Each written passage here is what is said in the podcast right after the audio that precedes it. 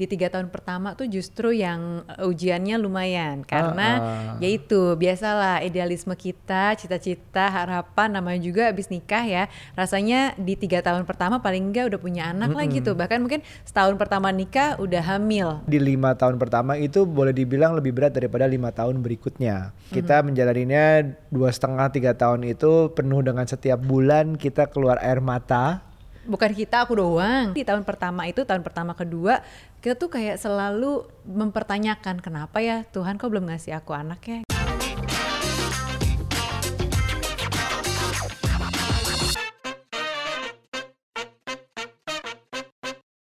Halo, kembali lagi di podcast Curhat Babu, curhatnya Bapak dan Ibu. Halo semua apa kabar? Hai parents, apa kabar di rumah? Mudah-mudahan baik-baik aja ya. Kembali lagi nih ketemu sama kita. Saya Bapak Aryo atau Ece Gario dan, dan Ibu. Ibu Nucha. Iya. Nah, di episode kali ini kita tuh mau sharing-sharing cerita-cerita seputar pernikahan. Hmm. Jadi bab sebenarnya di Parent Talk itu adalah yang paling banyak nih followers kita di Ha-ha. usia pernikahan 1 sampai 5 tahun. Oh. Artinya ya tuan kita sih, ya kan? Ya kita kira-kira baru dua tahun lah ya.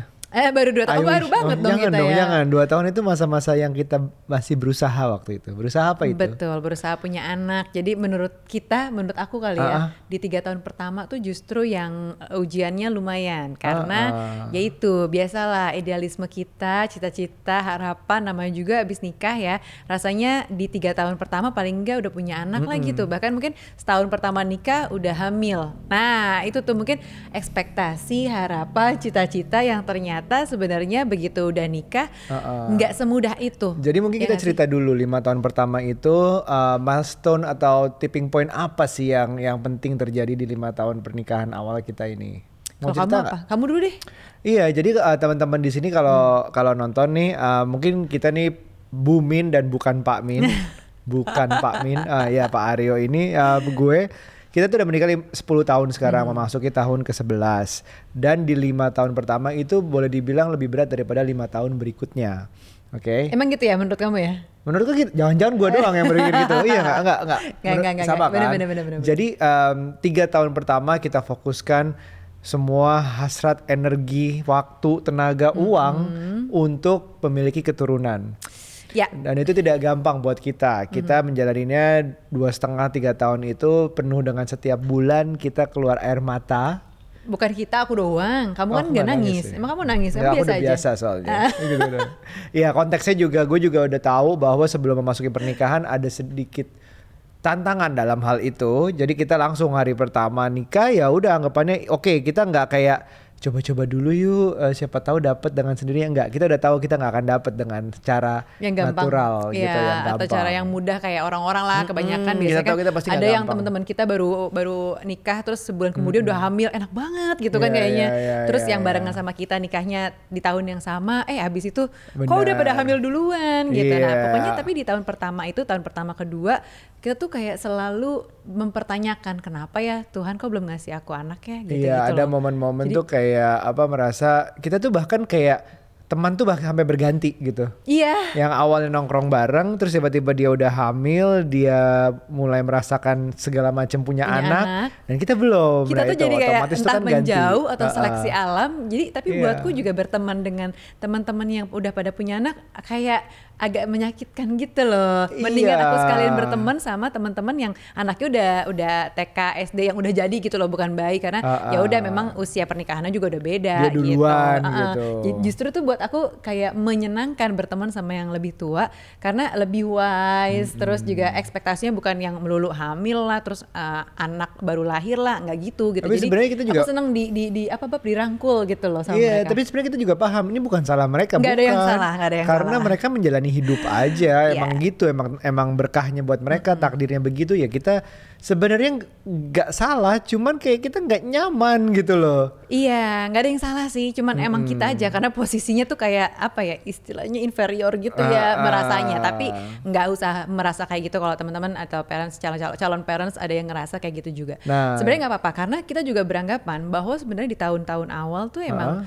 ya namanya sulit uh, sulit penyesuaian sama pasangan, sama keluarga pasangan dan lain-lain tuh common lah. Itu hal yang gam- uh, apa ya terjadi. Tapi itu itu nggak selesai sampai situ. Iya. Jadi sesudah tiga tahun akhirnya kita hamil, wow seneng tuh apa segala macam. Akhirnya usaha kita terbayarkan nih hamil juga. Terus lahirlah, lahir ternyata uh, mengurus anak pertama itu juga penuh Challenging loh itu. ya, challenging ya. Aduh. Kita yang belum pernah sebelumnya, uh, anak kita ya gimana ngurus anak dari awal dari nol sampai bapaknya juga jadi kesepian. itu juga ada momen-momennya di mana uh, kesetiaan kita di tes lah, kesetiaan aku mungkin lebih Kamu, tepatnya. aku mah biasa aja, setia-setia aja.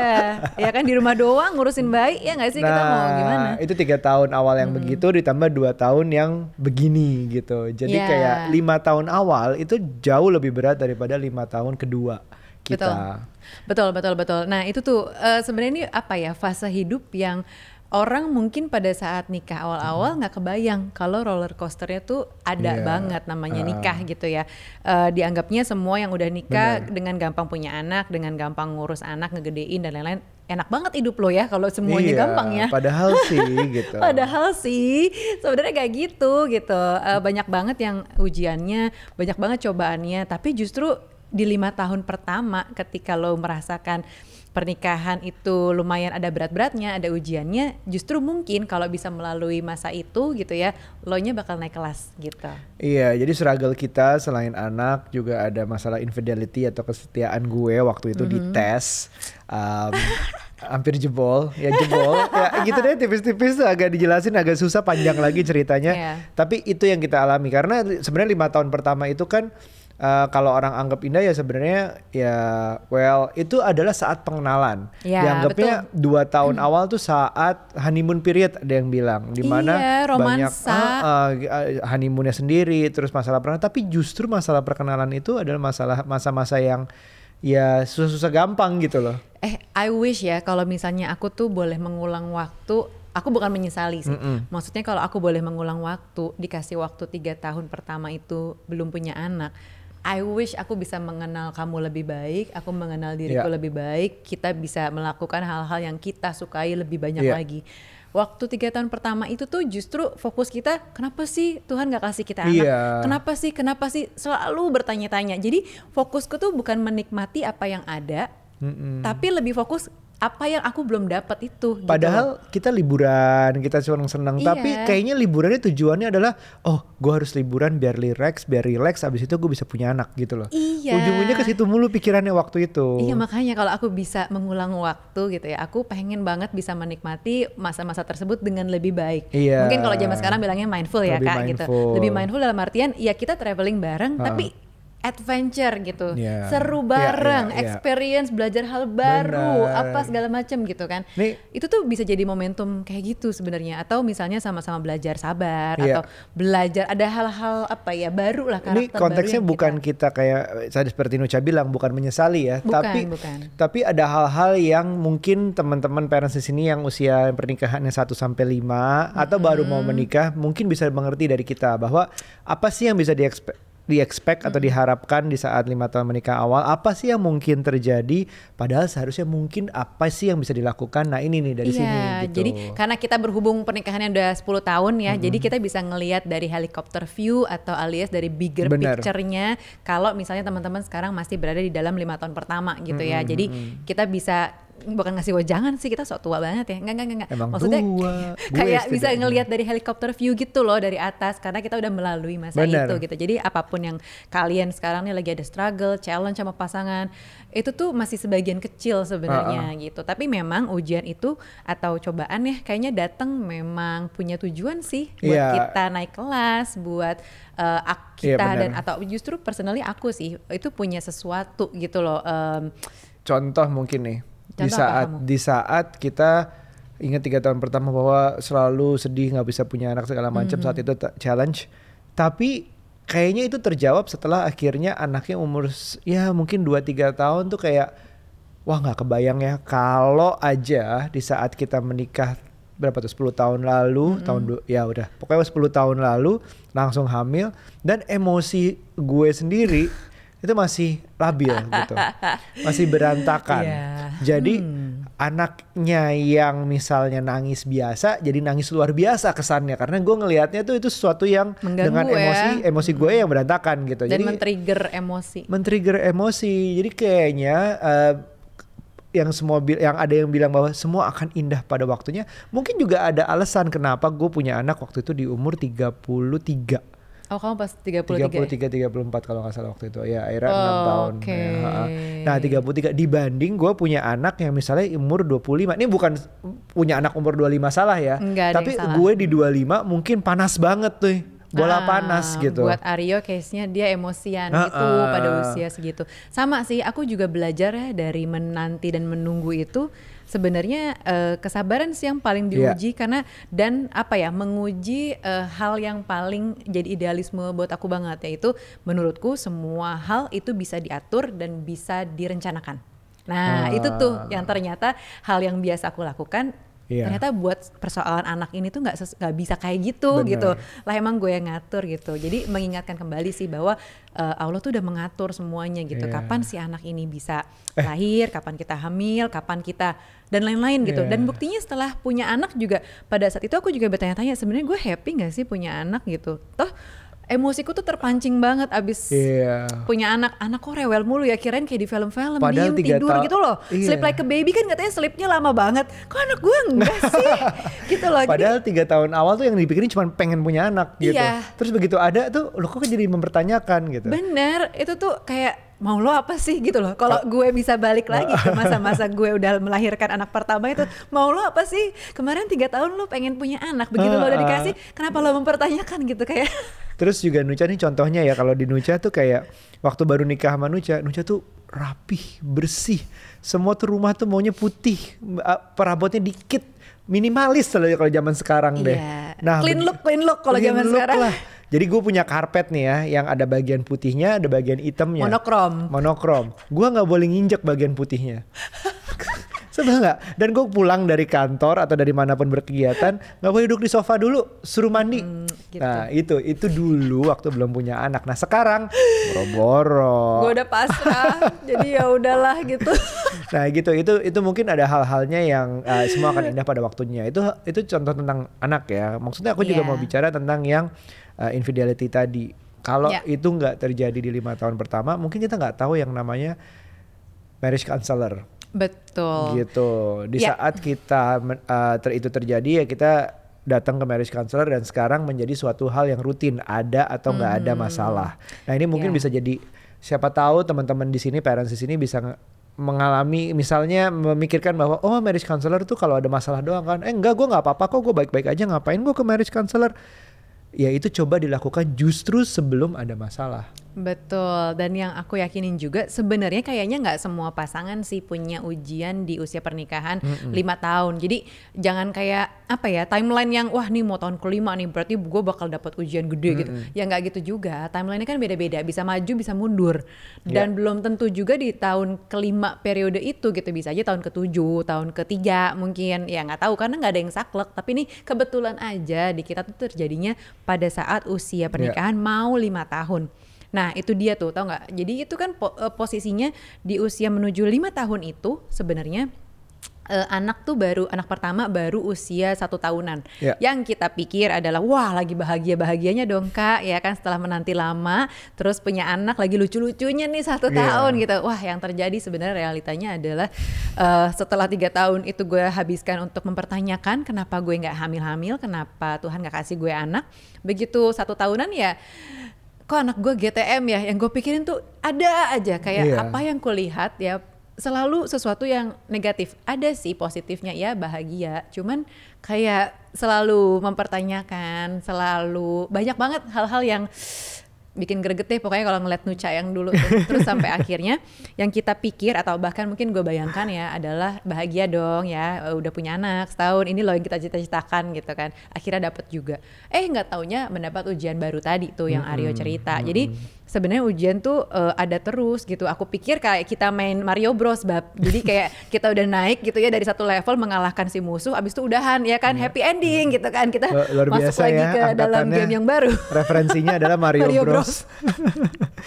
gitu loh kirain kayak gitu nggak taunya setiap ya stage tuh ada aja ujiannya Iya, gitu benar. tapi memang itu kebetulan menuju tahun kelima eh tapi dari Itu- tadi kita ngomongin hal-hal yang negatif mulu nanti pemirsa jadi takut loh Iya, iya. Tap- eh, ini kan padahal kita baru ngomongin dalam hal yang ini satunya eh, masalah trying to conceive, kedua masalah infidelity.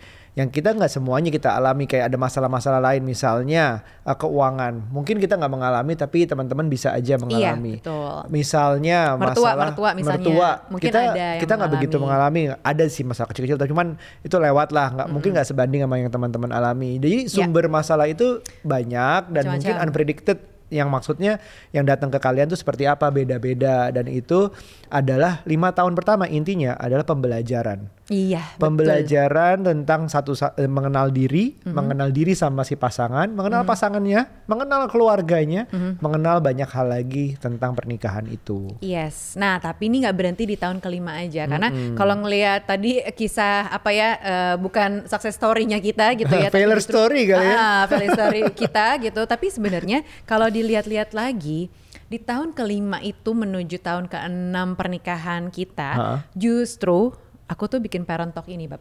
Jadi Yep. jadi kisah-kisah kita yang tadi kita lihat sebagai ujian, mempertanyakan ketidakberhasilan atau alias kegagalan kita, itu tuh justru jadi inspirasi buat aku Bener. bikin parent talk ini. Justru kontennya adalah karena cerita kita. kebanyakan cerita Gitu. kita terus gimana termasuk happy happynya ya sebenarnya Iya. happynya juga banyak gitu Happy-nya banyak, cuman bagian-bagian kayak painful problems yang kita temukan yang sudah kita lalui kayak masalah TTC tadi, ah. program hamil yang hal-hal nggak punya anak tuh menjadi sesuatu yang tabu. Itu tuh menjadi konten pertama awal-awal di Parent Talk gitu. Aku menjelaskan bahwa gue pikir ini tuh hal yang tabu, nggak pernah ada orang yang ngomongin gitu. Jadi kita bikin di Parent Talk menjadi isu yang ya udah ini tuh normal. Orang nggak punya anak, orang Iya. berproses punya anak, orang melakukan program hamil ini dan itu tuh sesuatu yang wajar memang Dan- terjadi karena nggak semua pernikahan tuh happy terus gitu ya dan ternyata relate dan ternyata relate ke banyak orang. Ah, nah, itu ah. sih. Jadi aku aku jadi ngerasa oh berarti cerita kita dari eh, yang kita buka di Parent Talk membuka banyak mata, banyak teman-teman yang merasa yang tadinya gue pikir sendirian eh ternyata ada temennya gitu. Termasuk ya, ya. soal kesetiaan gitu ya. Konten-konten seputar kesetiaan eh, Iya, terus soal mertua. mertua, perselingkuhan itu tuh jadi hal yang rame karena ya Iya. itu kan sebuah isu yang tabu gitu. Iya, iya. Nah, artinya nih Bab, tau gak sih? apa tuh Kan di tahun ke-5 6 kita waktu itu Iya. aku bikin parent talk. Ha-ha. Nah, sekarang kita udah di tahun ke-10. artinya parent adalah talknya berusia 5 Yeay, tahun. Happy Yeay. anniversary parent talk. Congratulations ya Bu.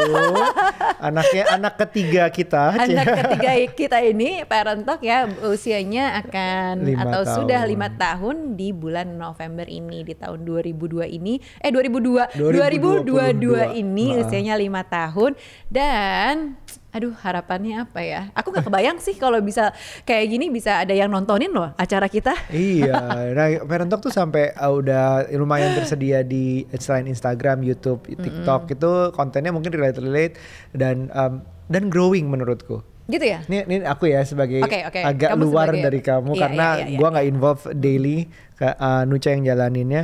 Jadi se- selain tumbuh sama kamu dan tapi masih bisa uh, bareng sama teman-teman yang baru mau nikah. Itu banyak banget tuh um, followersku yang bilang udah follow Parent Talk tapi belum punya pasangan. Jadi kayak udah siap-siap gitu. Udah relate karena beberapa conversation di Parent Talk itu juga tentang relationship. Dan itu Yep. bisa di applicable ke orang-orang yang baru mau nikah. Benar, Ah. benar, benar, benar. Dan apalagi ya tadi itu eh, karena kita udah di usia pernikahan 10 tahun, jadi mungkin buat teman-teman yang baru akan menikah atau mungkin teman-teman Gen Z nih yang Yep. justru lebih muda daripada kita ya kan, atau justru yang awal nikah banget, ini tuh bisa jadi pelajaran sih. Cerita-cerita kita nggak usah dijadiin panutan gitu, nggak usah Nggak, sih. nggak usah, Cuman maksudnya oh ternyata ada loh cerita yang kayak gini, ada loh yang kayak gitu. Jadi buat referensi kalian juga sih buat critical Ya. thinking gitu bahwa hidup atau pernikahan tuh nggak selalu mulus-mulus aja. Terus kalau Gitu. kayak uh, pernikahan pada umumnya parent talk sendiri lima Hmm. tahun di awal, menurut kamu ada masalah-masalahnya nggak? Masalah. Masa kita mau ceritain di sini? Kok Kan, kan ceritain parent ya? nggak punya nggak nggak trying to conceive juga kan? Jadi mau coba hamil juga parent talk? Ah, jadi ada apa ceritanya? Juga beberapa lah di share Aduh, coba. kalau masalah kayak cerita rawannya parent talk, sebenarnya aku nggak belum menemukan parent talk rawan sih, karena aku jalaninnya seru-seru aja, fun-fun aja, eh, nggak menjadikan parent talk sebagai beban gitu ya. Justru di awal itu aku kerjanya cukup santai loh. Iya. Aku kayak cuman kerja mungkin seminggu tiga kali gitu. Ya, jadi karena memang bingung. alasan awal mendirikan parent talk adalah untuk menyesuaikan jadwal juga kan, Iya, sesuatu yang bisa dilakukan fleksibel. Ya, aku pengen melakukan sesuatu sambil waktunya, jadwalnya juga sesuai dengan yang ada di Oh, eh, iya. rumah Iya. sama anak-anak. Sebenarnya gitu. Karena itu juga bertepatan dengan tum- uh, tumbuhnya lah uh, masih bayi waktu itu adalah anak kedua anak kita. kedua kita gitu. Jadi eh, pas aku lagi hamil kedua dan aku bikin parent talk ini justru kayak banyak cerita lah seputar Iya. parenting yang aku ingin bagikan, yang aku juga terinspirasi dari yang lain kayak gitu-gitu. Dan memang kurasa momentumnya yang paling tepat pada saat itu. Belum terlalu banyak akun parenting gitu ya. Terus aku sendiri tuh sangat admire em, teman-teman influencer, mom influencer. Jadi banyak sekali yang kasih review misalnya produk-produk bayi gitu ya yang mungkin waktu itu kayaknya nggak terlalu banyak deh yang bikin review-review misalnya eh, breast pump, terus misalnya rumah sakit yang buat atau misalnya kayak dokter-dokter andalan tuh kayaknya nggak segitu banyak. Kalau sekarang Iya. banyak banget. Nah makanya kenapa aku bilang momentumnya parent talk pada saat itu tepat Jadi banget. sumber inspirasinya parent talk selama ini adalah justru hampir nggak pernah muncul ya anak-anak kita di parent talk. Jarang sekali tapi itu sumber konten Aduh, yang iya, sumber bener. inspirasi yang wow banget tuh. Iya, jadi nggak terasa Parent Talk dari tahun pertama kita tuh cuman berempat pada saat itu gitu ya dengan desainer gitu dengan Pak Min bukan yang ini ya tapi ya terus eh, kemudian ber- semakin ber- apa tambah bertahun-tahun tahun-tahun eh ya pandemi sih gitu pandemi. Eh, tapi timnya ya udah masih sama gitu. Ya nambah nambah nambah nambah sekarang ya lumayan lah jumlahnya gitu. Yang kita rasa kayaknya udah cukup eh, cukup menyenangkan Iya. gitu ya. Aku sangat suka dengan small team sebenarnya karena bisa rasa keluarga gitu ya. Kalau banyak banget rasanya apa tuh? Banyak Ada- banget. Iya, udah Iya. gitu tapi tambahkan ada good enough parenting. Yes, terus kita mulai merambah buat apa namanya acquired yang lain, community. Terus kita juga lagi mau bikin beberapa adik-adiknya parent talk. Jadi kalau tadi cerita kita adalah TTC, Wah tapi bener ya. nggak perlu TTC kalau ini. Oh, ini nggak perlu program hamil Iya, soalnya, iya, iya, langsung lahir. Ah, ah, ah.